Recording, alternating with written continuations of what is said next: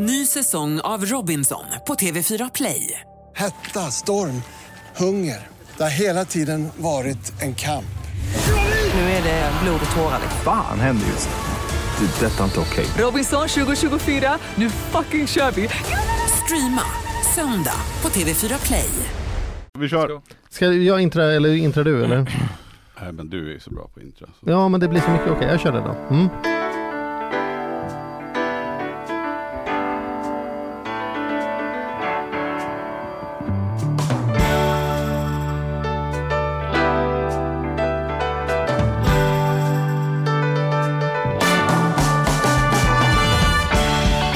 Och välkommen till Ekonomi på riktigt med Charlie och Mattias. En podcast om ekonomi i samarbete med Hemverket. Hemverket Mattias, vad kan vi säga om dem? Man kan säga två saker. Det ena är att de jobbar mot en fast eh, provision om Mm. 15 000 kronor. Och det andra är att man, att, de, att, att man helt enkelt håller visningarna själv. Mm. Eh, I övrigt så är de som vilken mäklare som helst. Och här har vi gjort undersökningar på längden och tvären nu. Vi har kommit ganska långt i vårt åtagande. Vi granskar ju Hemverket i sex månader här och lägger upp filmer på det, hemverket.se, där man kan se hur den här affärsidén står och slår och beter sig gentemot en, Ja, annan, annan har, vi, traditionell mäklare. precis, vi fick ju sex månader på oss och snart Mm. har det gått ett halvår. Så det, ska bli, det ska bli kul att utvärdera det här. Ja, ja, så gå in och titta om ni inte har följt oss där. Alltså, om ni som har lite abstinens på att se Mattias spånka runt i tv kan få se det på lite webb-tv. Hur mår du då Charlie? Du, du har samma kofta på dig som förra veckan. Har jag Är det? noterat. Ja, för Är då, det så? Precis. Vi Ja, ju- för då hade ju tråkade du min Bolund. Ja, men kofta. du kom ju med så här miljöpartistkoftan. jag. Ja, ja. Jag vet inte hur det har gått till att jag har blivit lite koftig, jag. Mm. Jag kanske är inne i någon sån emotionell fas när jag behöver krama mig själv lite mer. Lite mindre kavaj, lite mer kofta. Jag tror Mm. att våren också framkallar det, liksom att man vill jag, jag är inte riktigt redo att gå ut utan jacka, men jag är inte riktigt redo att liksom men att både ha jacka och kavaj, det blir liksom lite ett lager för mycket. Så nu är jag på koftan som är lite mittemellan.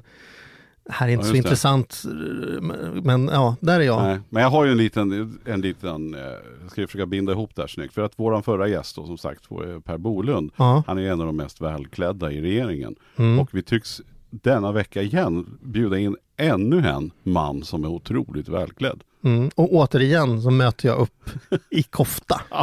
ja, idag har jag Alltså hoodie, du så har ju hoodie, så Ja, jag får jag skit för koftan. Vi hade ju finskjorta sist. Ja, Ah, ja, ja. men du har klippt skägget då. Nu tar vi in honom helt Nu enkelt. kör vi in, eh, nu blir det förhandling.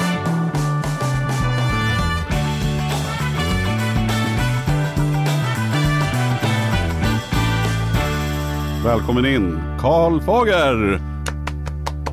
Tjena tjena! Tjena Kul att vara här. Ja, det är superkul att ha dig här och få ett ansikte, för jag har ju lyssnat mycket på dig i förhandlingspodden. Mm. Eh, Så att för det det blir lite grann som när man hör såna här radiostjärnor. Man, man, har, man bygger upp en bild av hur de ser ut och sen så får man ett ansikte. Eh, Men för mig är du mest känd, eller känd genom rösten. Blev det en besvikelse eller vad hade du för förväntningar? Vad såg du framför nej, dig? nej, tvärt, nej, du, du är ju så stilig och fin och framförallt väldigt välklädd. Ah, du är så snäll, du är så snäll. Ja. Nej men eh, berätta lite, för att du har ju en podd som heter Förhandlingspodden. Helt rätt. Eh, en mycket bra podd som jag verkligen kan rekommendera våra lyssnare att gå in och lyssna på. Som Men- du har varit och spelat in idag, eller hur? Absolut, jag har spelat in idag. Ja. Så det, man kan säga att eh, Karl spelar in podd finklädd, kan man säga. Ja just det. Ja. Men, men, eh, men du är ju då advokat, eller Mm. hur? Verksam. Du kan ju berätta lite grann. Det enda jag vet, eh, eller det enda, en sak som jag vet är att du eh, bor på Donsö utanför Göteborg. Exakt. Eh, nej, men jag är advokat på Max advokatbyrå, eh, som är en affärsjuridisk advokatbyrå, vilket gör att ja, ja, vi gör allting som företag och organisationer behöver. Det, och oftast definierar man ju affärsjuridik negativt, enklast. Det vill säga, vad är det inte? Det är inte familjerätt och brottmål. Mm. Så jag brukar säga till eh, våra kunder att så länge du inte slår någon på käften eller ska skilja dig så är det bara att ringa. Det är ganska liksom, ah, ja, men ja. bra. Ehm, och där har jag jobbat i snart 20 år. Ehm, och för egen del jobbar jag mycket med kommersiella avtal i allmänhet. Det vill säga jag, jag skriver och förhandlar avtal. Ehm, jag gör, gör affärer. Ehm, och sen ehm, finns det massa experter på byrån då som man tar in vid behov. Skatterätt, konkurrensrätt, fastighetsrätt, vad det kan vara då. Mm. Ehm, så har jag också en liten nisch mot sport, spel och underhållning. Jag jobbar Mm. ganska mycket med fotboll, eh, vilket är, är kul. Så att, eh, när det är transferfönster så är det mycket fotbollsaffärer. Och när det inte är transferfönster så är det lite andra affärer. Vad betyder transferfönster? Som är lätt för, för mig som en sån här flygplanshistoria så att du får förtydliga vad det betyder. Exakt, exakt. Jo, eh, fotbollen har ju en speciell arbetsmarknad. När, om, om jag eller ni vill byta jobb så brukar man kunna göra det eh, när man vill egentligen. Men inom fotbollen får du bara byta jobb, det vill säga byta klubb, under två förutbestämda perioder. Vilket är ja, typiskt sett i januari på vintern och juli, augusti på sommaren. Vill du byta jobb? Men vem bestämmer det då? Det bestämmer Fifa som är det internationella organet för fotboll. Som jag i maj bestämmer för att nu ska jag börja spela för AIK istället för Djurgården, då, Ja. då, då säger du glöm det, då, blir du, då hamnar du i fängelse. Eller vad, vad, liksom, vad, vad händer? Vad, Vad som kan hända är att du kan, du kan börja träna med AIK, men Ja. du kan inte spela matcher för AIK. Skulle Mhm. du spela match för AIK så kommer AIK förlora den matchen, bara för att du Mhm. spelar. För att du inte var det, kvar. det hade de gjort i alla fall om jag hade spelat. det kanske är sak samma. ja, ja, ja. Så det är ett transferfönster. Mm. Det är alltså ett fönster när man kan eh, byta klubb. Just det. Men eh, om det är någon specialitet du har, är det just sport, sportavtal känner du? Alltså, Ja, även kanske skriva och förhandla avtal i all, allmän mening. Ja. Eh, sen har jag också jobbat lite i management. Där jag, jag var klubbchef i en fotbollsklubb. Mm. Ehm, och när man är, och sitter i lite styrelser och sådär. Så att jag, jobbar, jag gillar ju att jobba med affärer och inte bara juridik. Så att jag, jag brukar säga att jag liksom är lite i gränslandet mellan affär och juridik. Mm. Så att det är någon specialitet som är så noga att liksom översätta juridiken in i affären. Men- Idag men- tänker... Ja, förlåt. Mm. Ja, vi, vi, det är kul nu, men Ja. vi är på hugget här. Båda undrar grejer samtidigt. Ja, men du, för mig var du, du var sportchef för BK Häcken, eller hur? Mm, helt rätt. Och då undrar jag, men var du då, tog du en paus? Var du ledig då? Var du tjänstledig? Från Tog tjänstledigt först och sen är man inte tjänstledig. Jag var tjänstledig i två år tror jag. Och sen eh, sa jag upp mig och sen var jag där i ja, tre och ett halvt år. Eh, och där någonstans kände jag väl att nu får man nästan välja, liksom, ska jag gå den vägen eller vill jag tillbaka till advokatrollen? Mm. Eh, och då gick jag tillbaka till advokatrollen. Men det måste ju vara ett väldigt bra utgångsläge att du kan branschen, alltså kan fotbollsbranschen. Du har varit på båda sidor så att säga. Ja, överhuvudtaget bara att liksom, nu är man ju konsultsäljare. Då var jag konsultköpare och man fick lära sig ja, ledarskap, marknadsföring, försäljning, PR, allting. Så det var en otrolig skola för mig. Mm. Eh, dessutom är fotbollen speciell på det sättet att det liksom, har ju så många gränssnitt mot samhället. Du lär känna så väldigt mycket människor. Mm. Och det är heller ingen nackdel liksom i, ja, Men, men hur kan man kombinera det? För jag tänker så här, som agent, för du är ju inte fotbollsagent eh, egentligen då. Nej, jag är advokat. Mm. Just det. Mm. Och, och som advokat då, då får man ju inte ta någon, någon katt på dealen. Så. Man får inte ta procent i, i, om man är med i Svenska advokatsamfundet. Man kan inte som en mäklare, fast gammal, gammal fastighetsmäklare och säga så här, jag får 4% på affären. Ja, precis. Det, får, det är liksom olagligt för dig. Att ha någon del i Advokatsamfundet att säger att man ska ta skäligt arvode. Och, Ja, vilket i och för sig utfall kan vara det. Så man kan ju ta olika mycket betalt beroende på hur olika bra det går. Men, då Eh, men det jag- får, det får inte vara liksom strikt kopplat till en ren procentsats. Ja, just det. Mhm. Men om jag tänker då som, som jag, om man lyssnar till exempel på Tobias Hysén som Mm. är, som vi snackade om att du hjälpte Mm, mm. tillbaka från Shanghai, Mm. eh, var det väl va? Mm. Men, men eh, hur går det till då? Du, då menar du att du, får inte ta några, någon, alltså för du, du har inget att vinna på att dealen blir bättre så att säga. I det fallet. Nej, men hur vi jobbar är att jag har ju en, en klient som är Global Soccer Management som är Sveriges största agentur. Mm. Så ofta är det de som tar, tar in pengarna. Eh, och sen skickar vi en advokatfaktura beroende på ja, hur mycket vi har jobbat, hur det har gått etc. Ja, just det. Så man, det kan ändå vara resultatmässigt? Det kan absolut liksom. vara. Det kan absolut vara. Ja. Och det är ju helt rimligt. Man kan tänka sig om man gör ett väldigt, väldigt bra jobb så det är Mm. rimligt att man tar mer än om man gör ett väldigt, väldigt dåligt jobb. Men så brukar det ju inte vara med advokater generellt sett. Om jag, tar, Ja. om jag tar in en advokat, om jag ligger i tvist med någon anställd eller något och så gör ni ett riktigt, riktigt dåligt jobb, då är det inte som att, jag har inte träffat en advokat och säger, vet du vad, vi drar av tusen spänn i timmen på timtaxan här, för ni förlorade ju ändå i rättegång, utan de, man tar ju lika mycket betalt oavsett hur det går. Men det är möjligt, vissa advokater jobbar Eller? så. Jag tycker det är fel sätt att jobba. Ja, Jag, jag försöker, och jag vet också många advokater försöker gå mer mot värdedriven fakturering. Alltså man tittar lite mer på hur mycket, och det kan vara svårt i processer för all del, men om man hjälper Mm. till, liksom, hur mycket värde bidrog jag med här? mm, Eh, och sen tar man en diskussion om faktureringen. mm, Eh, jag har till och med några kunder, jag brukar säga till dem, ja, vad, nu ska jag skriva belopp på fakturan, vilket belopp ska jag skriva så att det känns bra för dig? mm, Så säger de ett belopp och skriver det. mm, För om man tittar på Advokatsamfundet säger man ska ta skäligt betalt utifrån nedlagd tid, arbetets svårighetsgrad, utfall och ytterligare någon faktor. Så att nedlagd tid är bara en av många faktorer. Så det där är någonting som advokat tycker jag är fel. mm. Jag tycker, som, Man får ta på utfall. ja, jag, bara tycker, att jag tycker inte man bara ska köpa tid utan man ska köpa värde. Mm, Och det tvingar oss, men det är svårt för det tvingar oss också det sätter mer press på oss att, att liksom göra ett bättre jobb och, och anpassa oss till vad, vad du behöver. mm, Men då tänker jag, det, måste ju, det där måste ju vara väldigt bra då, för du är ju liksom, du kan ju verkligen det här med förhandling. Så Mm. jag tänker så här, det måste ju vara ett bra utgångsläge om man nu ska prata utfall på advokatfakturan. Om man dessutom är duktig på att förhandla, tänker jag. Ja, kanske, lönsamt, kanske, kanske. Samtidigt är ju, är ju att vara advokat är ju liksom, där vill man jobba med väldigt, väldigt långa relationer. Jag vill ju jobba med, med de kunder man jobbar med, vill man jobba i 10, 20, 30 år. Mm. Så det är klart att där någonstans så förhandlar du för bra så blir du av med kunden och det vill man ju inte. Ja, Så att det. det är ju liksom det enskilt avgörande är att kunden är nöjd. Så att, eh, jag tror att ja, det, det, det blir en ömsesidig förhandling där egentligen, när man, när man hittar någonting som är bra för bägge. Vad är det som gör dig till en riktigt bra förhandlare? Tänker du? Eller kan man, tycker du själv att du är det? Det vet jag inte, men, men det är klart att man har ägnat mycket tid åt det nu. Ehm, Nej men vänta, nu tar vi det på rikt, nu är det på Ja. riktigt ändå här. Ja. Tycker du eller tycker du inte att du är en bra förhandlare? Jag tror att jag är en bra förhandlare. Ja, Mm. varför tror du att du är en bra förhandlare? Därför att jag har gjort det väldigt många år, väldigt mycket. Eh, Mm. Jag har också gett mig själv tid att reflektera över min egen förhandlingsteknik. Mhm. Eh, också tror jag liksom läst mycket böcker, pratat med mycket människor, det vill säga jag har liksom tim- skaffat mig någon slags teoretisk och praktisk kunskap. Eh, sen tror jag en kombination av, av kunskap, erfarenhet och, och självinsikt. Eh, men det roliga med förhandling är att även om jag är bra så kan man alltid bli bättre. Mm. Man är ju aldrig färdig egentligen. Dessutom är varje situation unik. Mm. Man kan vara bra i en förhandling men liksom nästa förhandling så gäller det att vara bra igen. Du har liksom ingen grundnivå egentligen utan det gäller hela tiden att köra. Men om du skulle rekrytera en eh, förhandlingsassistent här, eh, som skulle göra det du gör, som ska bli din liksom tronarvinge här på Mm. förhandlingen. Vad, vad är det för egenskaper man letar efter? Vad, vad är det som kännetecknar en bra förhandlare? Hur ska man vara? Definitivt affärsmässig. Alltså liksom kunna snoka upp liksom vad, vad är bra för oss, vad är bra för motparten, vad kan vi hitta gemensamma beröringspunkter.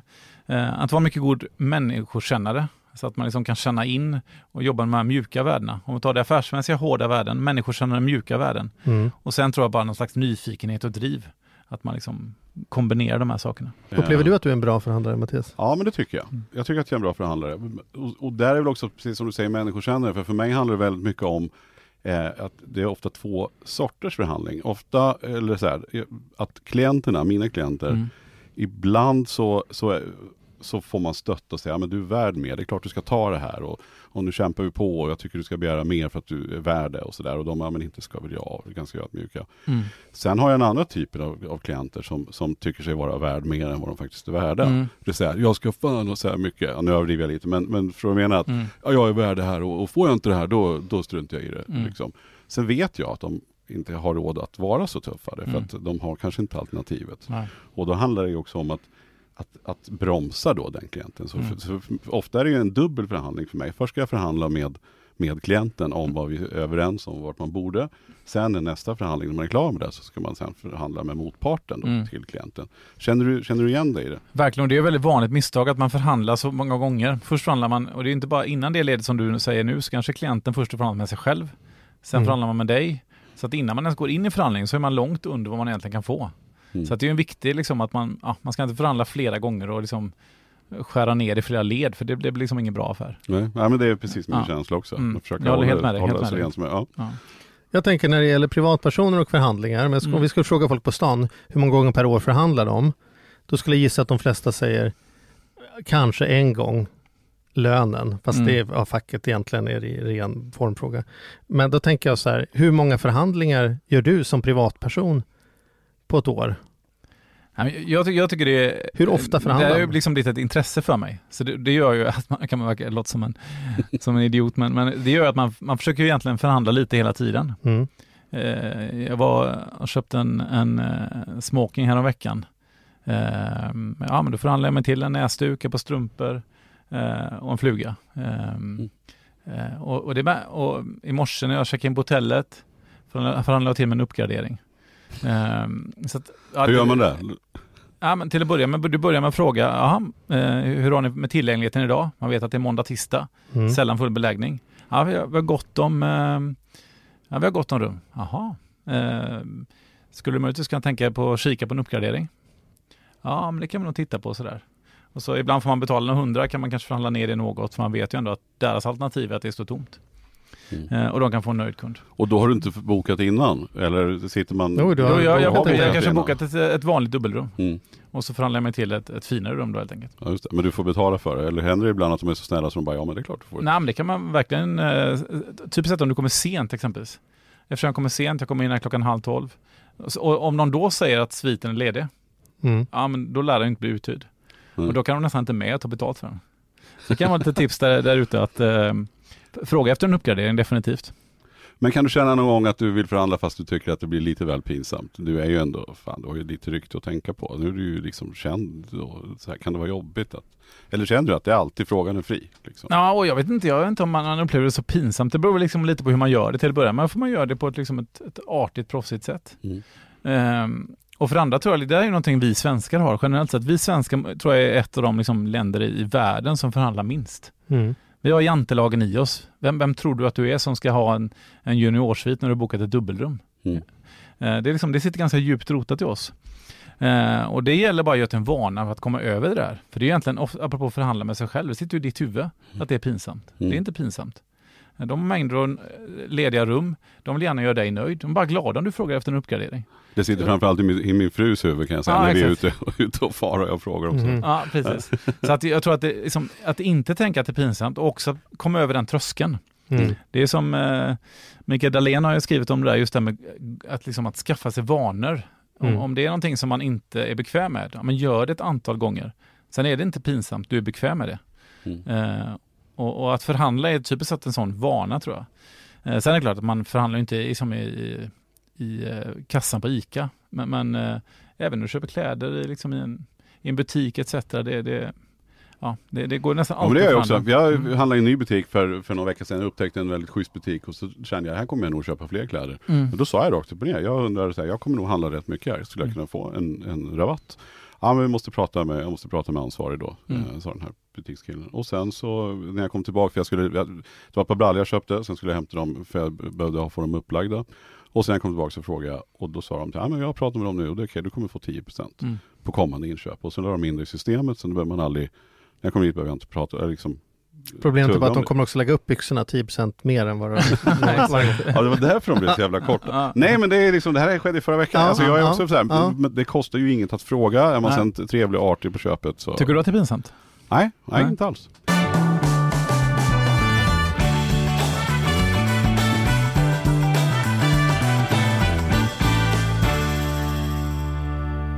Men sen är det ju det här med olika tekniker då. Mm. Eh, det finns ju olika sorts tekniker. Återigen referera till din podd när, vi pratade, när ni pratade med Tobias Hysén till Mm, exempel. mm. Så var det här att man, man kör den tysta tekniken. Mm. Man, man väntar ut eh, motparten. Och, och så här, men jag tänker det är väl olika, du jag antar att du använder olika tekniker vid olika tillfällen.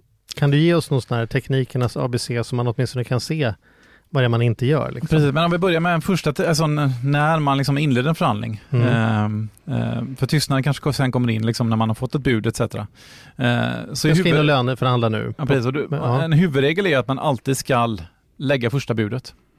Det, det är ju liksom någon slags, det är ju en grundregel i förhandling. Va? Ja, alltid lägga första budet. Mhm. Varför det? Ehm, därför att man ska ankra förhandlingen. Det, det är nämligen så att om jag säger att ja, men jag vill köpa era mikrofoner för eh, tusen kronor styck. Någonstans, okej, bara att jag säger de, de, liksom de siffrorna så börjar allting snurra kring det. Mer eller mindre än det. Varför tusen kronor? Mm. Eh, finns liksom, man har forskat på det där. Man har till och med gjort undersökningar. Två parter går in i ett rum. Den ena parten rabblar höga telefonnummer. Sen har de gjort samma procedur. Förutsättningarna är helt lika. Samma person rabblar låga telefonnummer. Och, den, och där- i den stationen man rabblar höga telefonnummer blir utfallet högre. Så att man ankrar diskussionen, man sätter liksom en standard. Därför ska man alltid lägga första budet. Med ett undantag, det är om man inte har koll på, på, på marknaden, om man inte kunnat göra sin förberedelse. Alltså en löneförhandling. Jag har ingen aning om jag kan få 10 eller 100 000. Nej, då ska man inte lägga första budet. Mm. Men förhoppningsvis har man gjort liksom sin läxa, man vet vad man kan vänta sig. Då ska man lägga första budet. Mm. Så det är en sån teknik att man, och där apropå vi svenskar, och där är vi lite blyga. Mm. Vem är jag att begära det där? Vem är jag att liksom lägga ett bud att jag vill ha en uppgradering eller att jag vill ha en lön eller Mm. att jag vill ha 10% rabatt? Mm. Ja, det får de väl säga till mig om de tycker jag är tillräckligt bra för det. Säger vi lite blygt. Mm. Nej, var lite offensiv där. Så det är ett, en, en sån teknik. Eh, vilka tekniker då? Så Mattias skulle kunna gått in i butiken och istället för att säga här vill jag få en liten rabatt så hade han kunnat säga så här jag tänker bli trogen kund, jag hade uppskattat om jag fick 30% rabatt. Absolut. Jag är helt Då hade du, butiken du gått tillbaka och sagt Då ja, så. 30 Ja. kanske inte göra men vi skulle kunna göra 20. Då får du 20. Ja, Mm. ja det är bra. Ja, ja bra. Nu har vi Så så lä- pengar lägg- redan. ja. Fortsätt.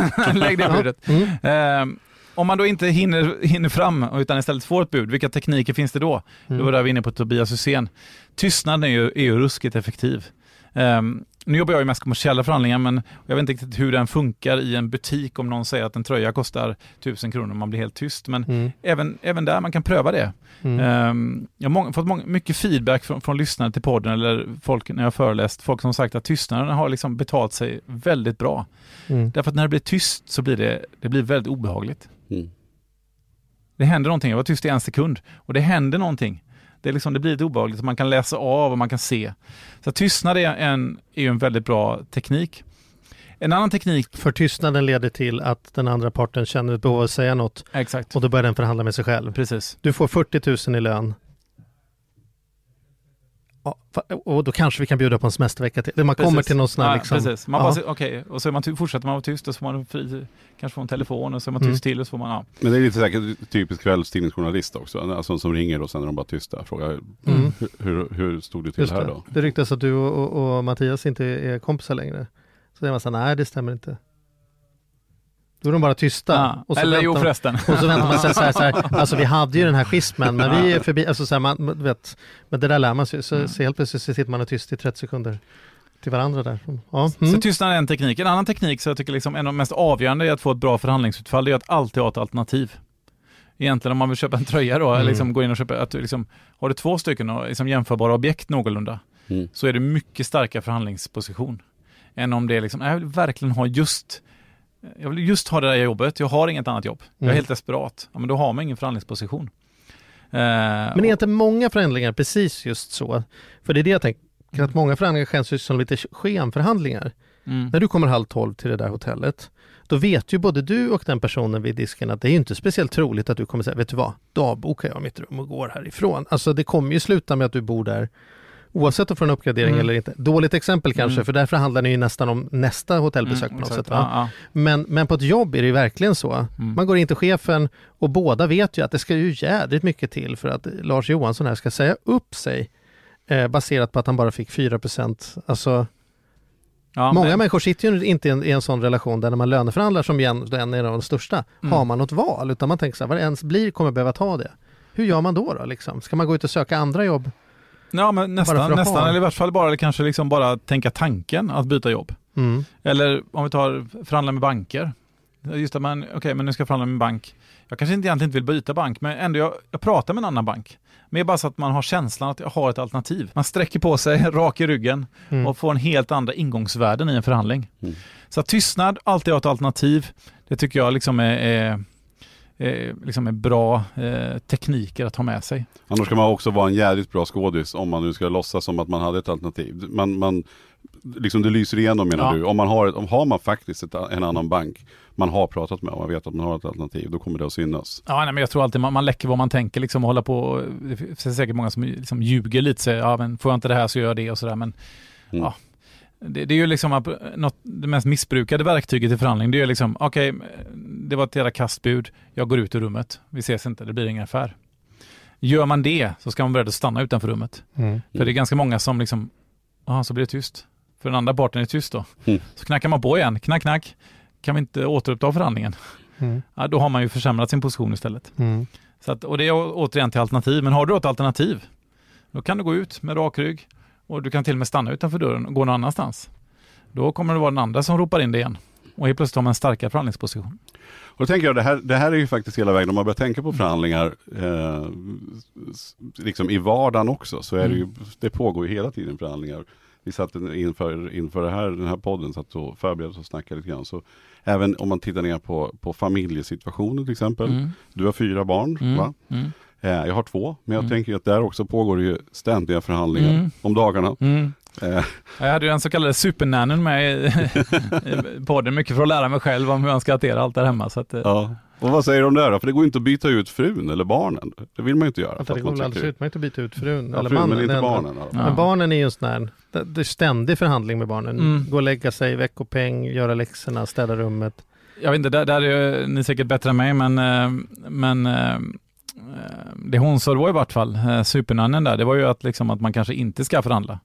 Därför att man ska inte ta barnen för vuxna, utan eh, att man eh, att man liksom är, ja, de behöver rak, liksom, tydlighet och liksom vem som bestämmer.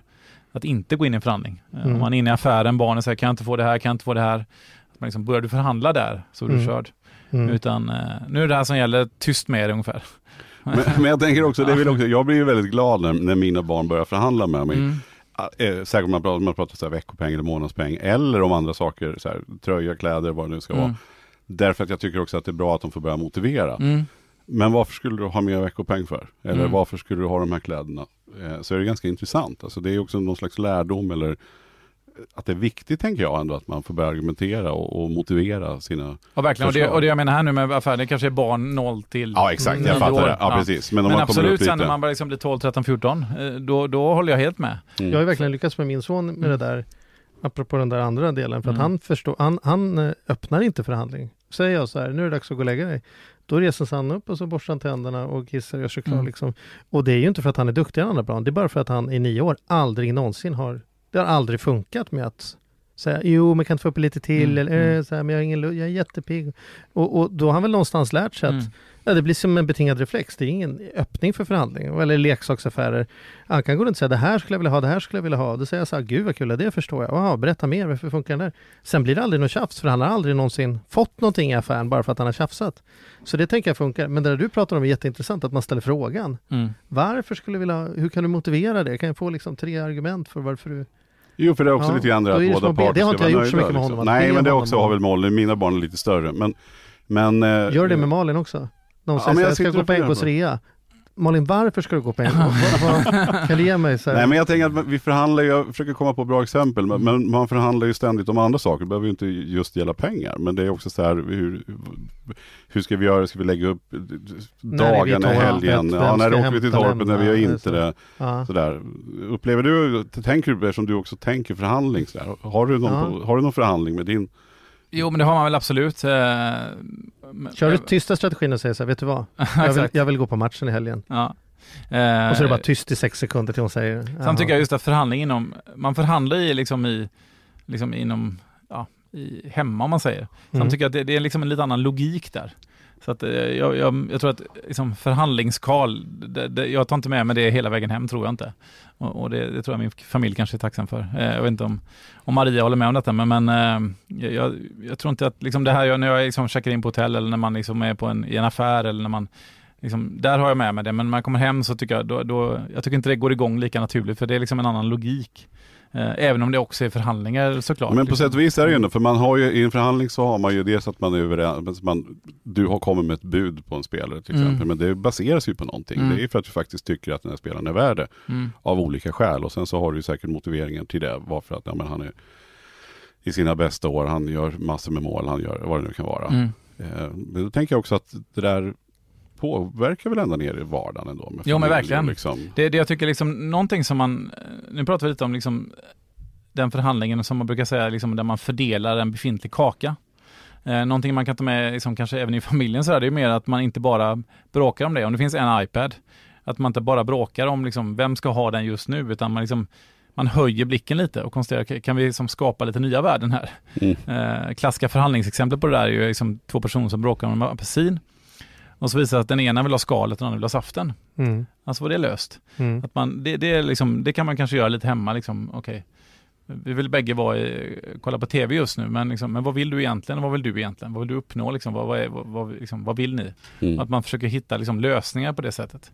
Ehm, det, det, det kan liksom vara en liten metod som, som kan funka hemma också.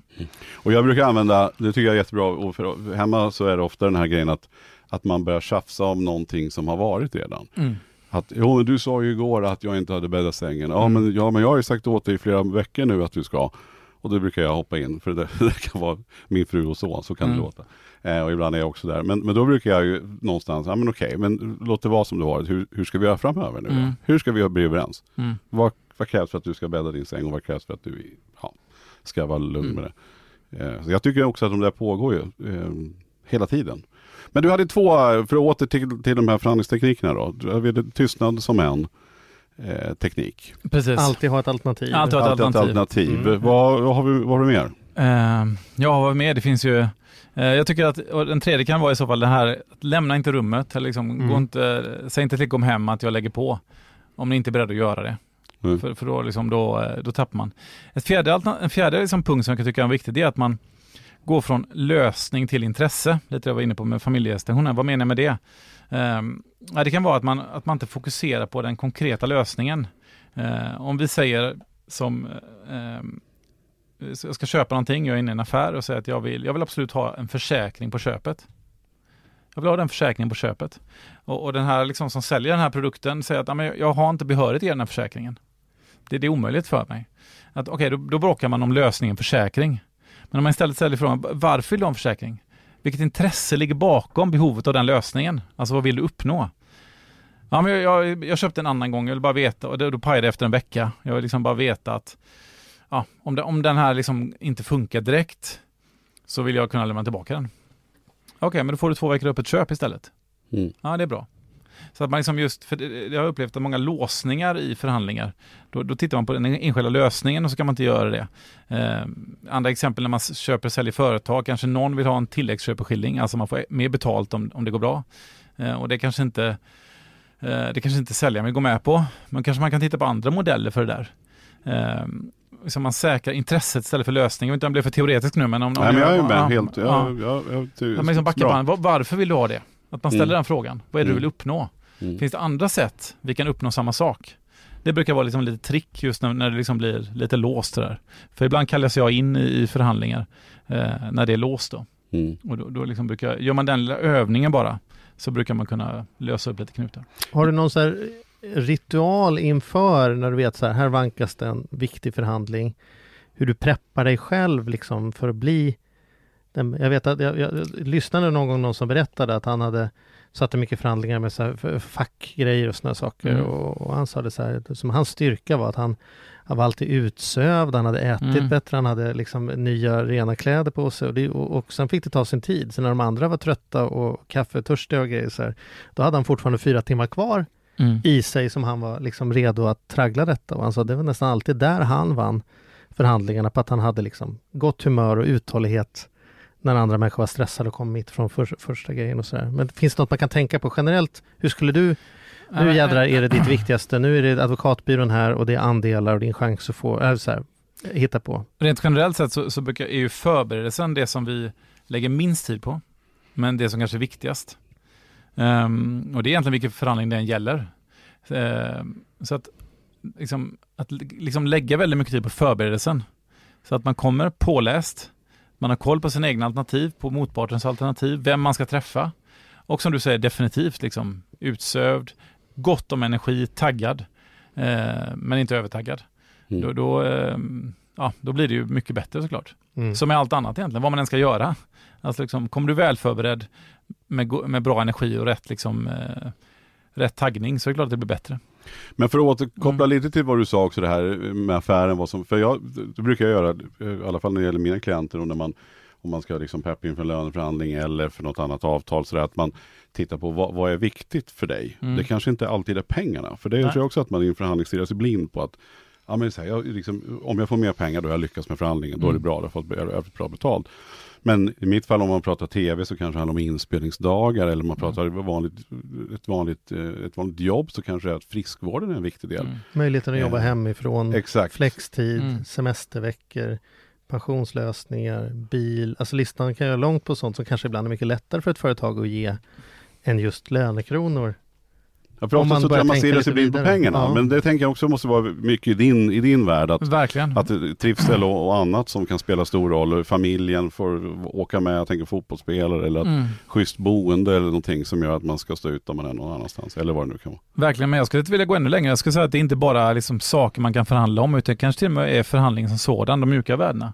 Bara det faktum att man, liksom, att man blir lyssnad på. Mm. Att man liksom låter någon prata, lägga fram sin sak. Eh, för det tror jag, liksom, den typen av, inte minst kanske en löneförhandling, eh, någon som går in och känner att ja, men, vad, vad jag än säger nu så lyssnar de inte på mig.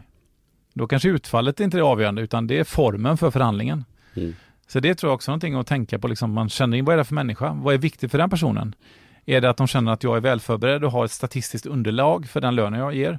Eller att, är det mer relationsmänniska som känner att ja, den här personen ser mig, de lyssnar på mig, jag får en bra känsla? Eller vad är det? Eh, man kanske ska läsa den här omgiven av idioter liksom, och lära sig att liksom, ta in vad är det för människa jag möter. Mm. Och det jag menar med förhandling också, att man kanske aldrig liksom, kan säga att man är bra i varje förhandling, därför att varje förhandling är unik, eh, eftersom det är människor det handlar om. Mm. Och det är därför jag tycker det är väldigt kul, liksom. de här mjuka värdena är ju väldigt spännande.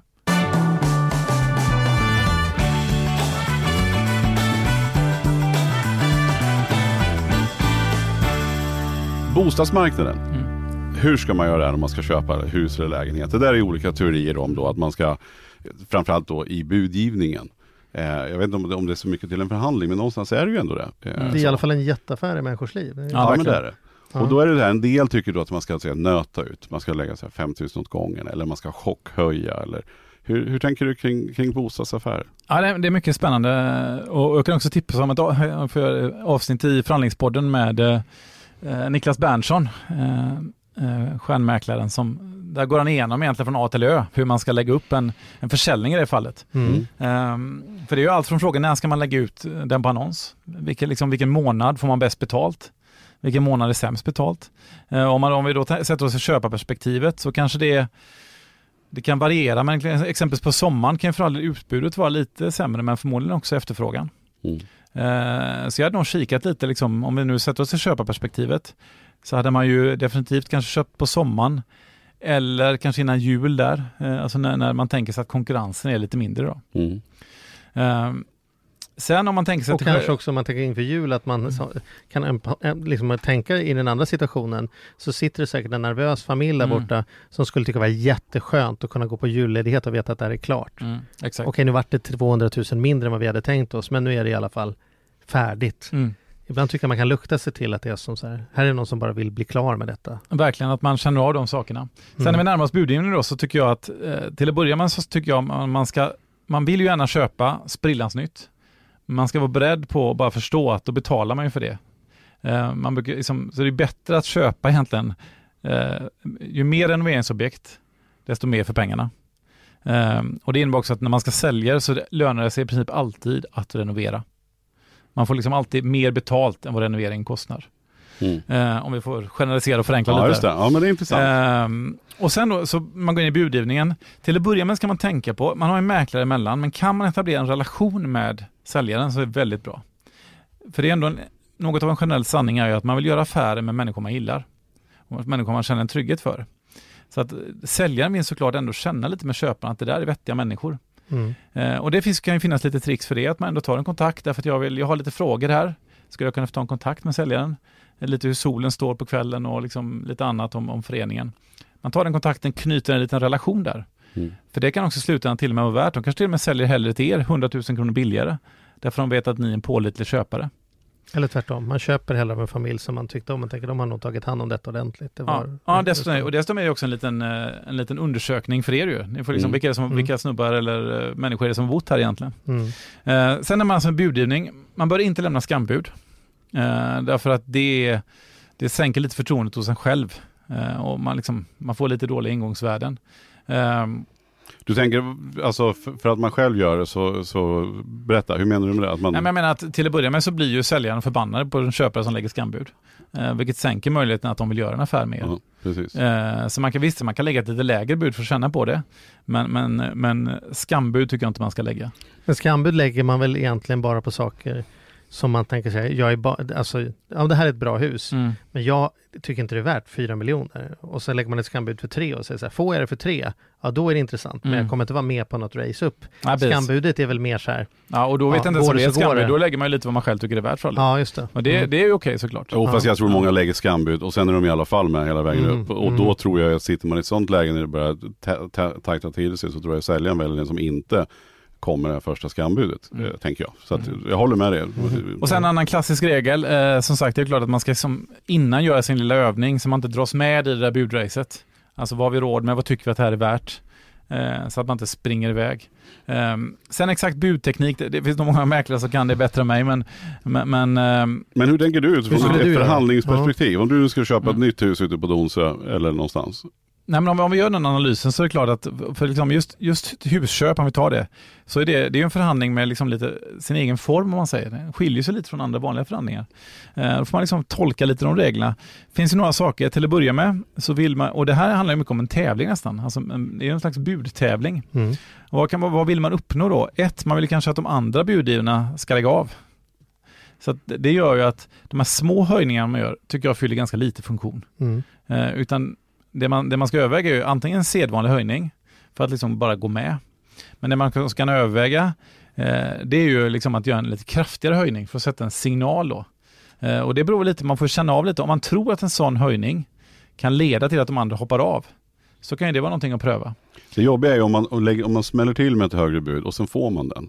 Då gäller det att inte gå och fundera på det där dagarna i ända. sen. Nej, så, så är det. Så är måste jag också vara beredd att veta att lägger jag det här så finns det ja, en risk slash chans att man får det. En annan man, det man kan fundera på det är ju liksom en dold budgivning. Ehm, det har vi pratat om i förhandlingspodden och det var kul. Jag fick en mail av en lyssnare faktiskt som Tack för det där tipset. Jag fick ett hus tack vare det. Eh, Mhm, jag, jag, jag vet inte om ni antar att ni också får den typen av feedback. Liksom. Mm. Det, det är ju Mm. kul liksom, när man känner att man är skillnad. Det vill säga att man, man tar en kontakt med, man kanske har etablerat en relation med säljaren. Och säger man nu börjar den här budgivningen springa iväg lite, vi börjar närma oss vårt tak. Men vi är beredda att lägga det här. Men då stänger du budgivningen och så gör vi affär nu. Ehm, det är ju liksom också någonting som kan... Just det, du kan- ber via mäklaren att få kontakt med säljaren eller Ja. i bästa fall har du redan gjort det. För Exakt, att, för att ja. vara smart och etablera en kontakt Ja. med säljaren där du framstår och har ärliga uppsåt med det här. Och sen ber om att de ska Ja, precis. Eller så tar man det via mäklaren. Ja. Ehm, men, och liksom så på det Eller sättet... så har man en mäklare som tillåter att köpare och säljare träffas redan på visningen, som Ja. de vi håller på att undersöka. Ja, exakt. Ja. Ja. Och, och så eh, på det sättet så, så, ehm, så kan man liksom döda budgivningen lite. Mm. Det kan också vara liksom ett litet eh, ett tips att, att agera. Men jag tänker på apropå hus då, när jag har gjort mina husaffärer nu, det jag märker det är ju att det är så mycket mer. Många är så här, ah, nu vart det klart med priset. Men då finns det ju så här, det finns alla, ja det finns robotgräsklippare Mm. och det finns, eh, eh, ja men det, nu när jag sålde huset i Skåne, de har ju tagit över möbler för eh, och inredning för, ja det är i alla fall nog för att vi ska kunna åka på semester i två år. Mm. De tog över katten som bor i huset så att vi inte behövde fundera på om den behövde lämna gården och sådana saker. Det där är ju så andra förhandlingar som man inte ser för man är så upptagen med liksom köpeskilling. Vi pratar tillträde, hur kan man hjälpas åt? Liksom så här. Det är mycket mer Verkligen, i verkligen. Och där, där gäller det verkligen att vara offensiv. Det upplever jag, för ofta finns det mycket, ja, finns en del möbler Mm. som kanske inte har något gigantiskt värde för någon av dem, men, men, men om man, man, den som först har initiativet vinner ofta den diskussionen. I min, alltså om säljaren säger att här står, här står en del möbler, Mm. ni kan få köpa det för 75 000. Mm. Ja, då blir det nog så. Mm. Om man däremot säger här har ett slutbud, men då vill vi att de där möblerna ingår. Mm. Då blir det nog så också. Mm. Eh, Så jag håller helt med det där, att man liksom ser över helheten. Eh, Skriv in pianot. Ja, Pianot in ingår. pianot, jag tänker inte flytta det pianot. Bara se till att, för det är ju en skitsak i bud. I, Mm. När folk tittar på objektet, då är det klart att det är ingen som är en dealbreaker om, det, om, om, om pianot står kvar eller inte.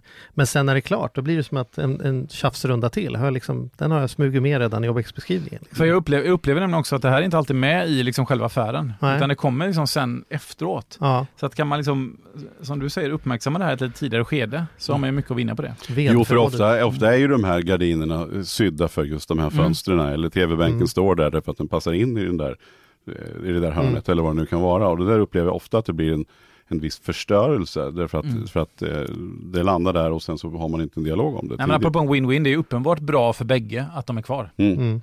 Så att det, det, det, är som det, därför är det, liksom, det är bra att sådana affärer sker. Mm. Men då är det bra om man tar initiativ till dem så att det liksom blir... Hur är det på lön då? Det är också en sån här jätteaffär. Mm. Hur, har du några som, hur ska man tänka om man sitter här och inte är nöjd med sin lön? Eller man är, vet att nu är det snart dags för den årliga löneförhandlingen eller jag ska få en ny tjänst och det förändras och så är man nervös inför det där. Mm. Nej, men, Vad är peptalket här då? Peptalket där är väl liksom att ha, ha ett gott självförtroende, vara väl förberedd. Ehm, bli inte för personlig. Jag tror att liksom gråtande medarbetare, liksom det, det blir liksom inget, inget bra. Jämför inte med andra. Ehm, den har det, varför ska jag ha det? Utan snarare i så fall mer liksom en, en lite mer, att man tittar på sig själv. Mm. Ehm, en bra sak är att man kanske redan i år krattar för nästa års löneförhandling. Mm. Eh, Jag tycker att jag är värd det här. Det tycker uppenbarligen inte du. Vad ska jag göra för att jag ska få det nästa år? Det kan vara liksom en sån bra fråga att ställa. Ja, men ska du få det, då måste du göra det här. Bra. Kan vi få ner det i protokollet? Mm. Nästa år då, nu har jag gjort det här. Mm. Eh, Så att man, liksom- det, kan- det kan också vara ett sånt, sånt tips annars. Just det. Och inte hänga upp, hänga upp sig på andra medarbetare, vad de har eller inte. Nej, det, det, det brukar, min erfarenhet i vart fall, och när jag pratar med jag har för egen del ingen stor erfarenhet av löneförhandling, eh, men, men när man pratar med, med HR-chefer och annat som löneförhandlar så känns det som att det är liksom ingenting som heller som, som, som brukar leda till något bra resultat, även om man kan, det kan locka väldigt mycket liksom. Vänta lite, hon tjänar 2000 kronor mer än mig. Mm. Det, det, det är orimligt på något sätt, men, men ofta liksom, ja men hon är hon och jag är jag lite, man, man, man får lite visa varför man själv är värd någonting. Mm. Och då är det återigen förberedelse, att man Ja. verkligen funderar på vad man kan bidra med, vad man har som, som, eh, som man kan göra extra där eller liksom motivera sig varför man ska ha bättre Ja, betalt. precis, precis. Mm. Intressant. Ska vi ta den sista då? Mm. Bankräntan. Mm. Det är ju den där eviga, en av de sakerna som folk faktiskt har förstått att de bör och ska förhandla. Ja. Hur ja, för, tänk- förhandlar man inte bankränta så är man ju, ja, då är man ju direkt dum. Ja, Ja. ja. Och, och de som förhandlar Saris på stranden och inte förhandlar bankräntan, då undrar man hur prioriterings Mm. ser ut i huvudet. Ja, Men, exakt. men, men så vad säger du där då? Peptalket till den som tänker så här, nej nu, nu tar jag tag i det, nu in till Handelsbanken imorgon, stormar in och säger så här, nu får du sänka, eller hur? Nej, men, men till att börja med, vi vet ju att bankernas marginal på bo, bolån är ju fantastiska. De tjänar ju jättemycket pengar på detta. Mm. Eh, så vi vet att det finns en, en rejäl, liksom, det finns ett rejält förhandlingsutrymme. Eh, det är sällan man vet det. Alltså Mm. ofta när man sitter med motpart så undrar man hur mycket liksom, man kan förhandla här. Här vet vi ju att det finns det. Vi vet att de tjänar pengar även om vi sänker den här räntan. Ehm, så att det är liksom, okej det är bra, det har vi gjort den förberedelsen, det, den är ju helt uppenbar. Ehm, och då är det liksom givetvis alternativ att ha, ha, att ha ett alternativ. Det vill säga att prata med en eller flera banker. Det, det är ju liksom en, en, en superviktig del. Vi vet också att är man beredd att lyfta he, över hela sin bankaffär så är bankerna mer benägna att sänka räntan. Ehm, så att, ja, kom väl förberedd, ha alternativ eh, och också våga vara lite tuff. Eh, Mm. det, det är liksom verkligen så. Då, då, och kanske också vara beredd att ta konsekvenserna. För det kan verkar ju lite mäckigt att byta bank och det är ju lite mäckigt. Jag vet inte om ni har gjort det. Mm. Ja, det är ändå lite småmäck men det är ju inte värre än att det är värt. Man kan ju spara Mm. på tusen i månaden liksom. Mm. Så att det är ju, det är ju Men det är, allt, det är allt svårare tänker jag idag också Mm. att, att få den här till en sån här personligt möte. Därför att det är ju mycket via växel och via nätet Mm. och sådär. Det är liksom svårt. På landsorten tror jag det kanske finns mer alternativ. Att man Mm. träffar sin bankperson. Mm. Är det inte svårare att ta den diskussionen då över telefon? Eller? Ja, man gör det ändå vet tänker Ja, du? man får göra det ändå. Det är, som, som du säger, det, det, är liksom, det är ju vad det är. Liksom. Det Men ju- hade Mm. du propsat på att få till ett möte med banken? Hur hade du gjort? Hur gör du? Skickar Ja, du bara ett mejl och säger kan man få en Eh, uppgradering eller säger du så här, vi behöver träffas? Ja, när jag förhandlade bank senast så mejlade jag med någon och pra- träffade någon. Ja. Ja. Så att det, jag tycker liksom det ena utesluter nog inte det andra och vissa liksom, ja, det, finns olika möjligheter för, för olika banker kanske. De har olika mycket tid etc. Men då slutligen också, vi har varit inne på det lite grann, men det här med att, att ljuga eller dra valser Mm. sådär. Ibland så, man känner ju ofta så här, men då skiter jag i det. Eller Mm. det här med att lämna rummet eller sådär. Men jag upplever att många, det här med att köra på och, och man drar någon, någon lögn. Jag upplever att det aldrig eh, lönar sig. Alltså att köra Nej. med den typen av metod. Utan vad, kan det finnas någon gång när, när det... Nej, men ha som en generell regel, ljug inte. Det är liksom, därför att som sagt, det handlar återigen om det, om det här med förtroende. Och, och eh, pålitlighet är bland det mest avgörande. Vi vet det, en person som ljuger, man litar inte på den personen. Vill ni göra affärer med någon ni inte litar på? Nej. Vill ni förhandla med någon ni inte kan lita på? Nej. Så att det är liksom, svaret ligger där. Att liksom, det, det, det har ett väldigt högt pris att ljuga. Så att det, Ja, för jag tänker också i en slags långsiktighet. För det är ofta, precis som en del bara, man tänker bara på pengar när man förhandlar istället för att tänka på de andra mjuka Mm. värdena som vi pratar om. Så upplever jag också att, att gör man en kanske för bra deal, om någon sitter i en beroendeställning, man har verkligen, man, man är nästan fast och nästan gör vad som helst Mm. för att få den här personen till någon roll. Och sen så, så utnyttjar man det. Mm. Eh, då kanske det är en förhandling en gång. Nästa gång man kommer så, så kan det se annorlunda ut. Ja, verkligen. Eh, det här att verkligen tänka långsiktigt i Mm. förhandling. Och det är väl samma sak med banken också. Eh, att man också levererar på det man har lovat Mm. någonstans. Ja, men det är ju på så många plan till att börja med, bara i, som i den långa relationen affärsmässigt. Så om man ljuger så, ja, det, och gör en för bra förhandling därför att man har ljugit, så har du ju igen det nästa gång, får du det tillbaka. Mm. Och sen tänker jag bara som, som människa, någonstans vill man kunna sova om natten. Liksom det, att veta att ja, nu gjorde jag en jättebra affär här, men det var för att jag ljög. Liksom, jag vet inte, blir man gladare av det? Liksom, det, det är ju... Och inte minst vad värderar man sitt varumärke till? Ja, För det där exakt. kommer ju snackas runt sen. Ja, Det, Så, så träffar- någon slags här grundläggande hedlighet, ärlighet tycker jag man ska, man ska ha med sig. Även om det kanske gör att man i ett enskilt fall inte gör, liksom maximerar en affär, men det, det är det ändå värt för, för dig själv, för din motpart och för liksom alla i det långa loppet. Finns det någon förhandling där du, som du kommer ihåg där du har gjort så här riktiga praktmisstag? Där du känner så här i efterhand att så här, det där var mitt lågvattenmärke som, som förhandling. Eller så här, där, gud jag skulle inte sagt så där eller jag skulle inte gjort så där. Eller, du har ingen sån här historia som så här, när, när det skett sig fullkomligt? Eh, Inte så här på raka, men jag tror att liksom när man sett att man har liksom lyckats sämre, eh, så är det ju antingen för att man inte hunnit förbereda sig eller för att man inte har något alternativ. Mm. Framförallt om liksom man tar ett alternativ och är själv eller för klients räkning liksom närmast i ett desperat läge. Då, då blir ju ens, eh, liksom, ens, ens förhandlingsutfall sämre helt enkelt. Eh, och det, då kan man gräma sig efteråt, att liksom, hur hamnade man där? Eh, så att ofta är det nog inte själva förhandlingen som sådan, utan kanske mer liksom det som leder till förhandlingen. Mm. Eh, Som man- du känner att om man sitter där och lyssnar och fattar att jag ska upp imorgon och jag har vare sig skapat alternativ eller förberedd, då är det bättre att skjuta- skjuta fram det och säga att jag har fått influensan, vi får ta detta om en vecka, än att ösa in och liksom peta av det, för att det kommer inte bli bra om du inte, inte har alternativ och du inte är påläst. Helt rätt. På tal, om, på tal om att ljuga. Nej, det är bra. Ja, okej, vi släpper det. Ja. Nej, men jag, apropå ljuga, man kan ju skjuta upp en förhandling, det är väl ingen konstigt. Nej, och då kanske man bara ska säga att man skjuter upp det istället för att säga att man har influensa. Ja, helt rätt. Nu får vi leva som vi lär. Bra. Ja. Bra.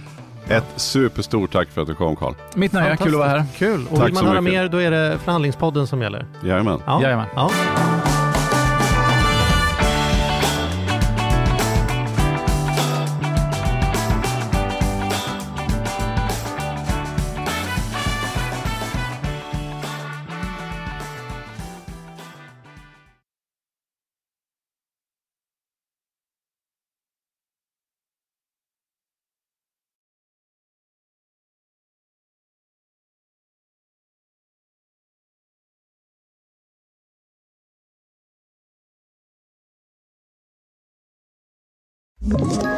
Ett poddtips från Podplay. I fallen jag aldrig glömmer djupdyker Hasse Aro i arbetet bakom några av Sveriges mest uppseendeväckande brottsutredningar. Går vi in med hemlig telefonavlyssning och, och då upplever vi att vi får en total förändring av hans beteende. Vad är det som händer nu? Vem är det som läcker?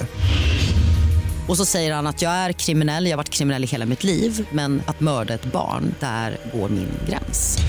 Nya säsongen av Fallen jag aldrig glömmer på Podplay.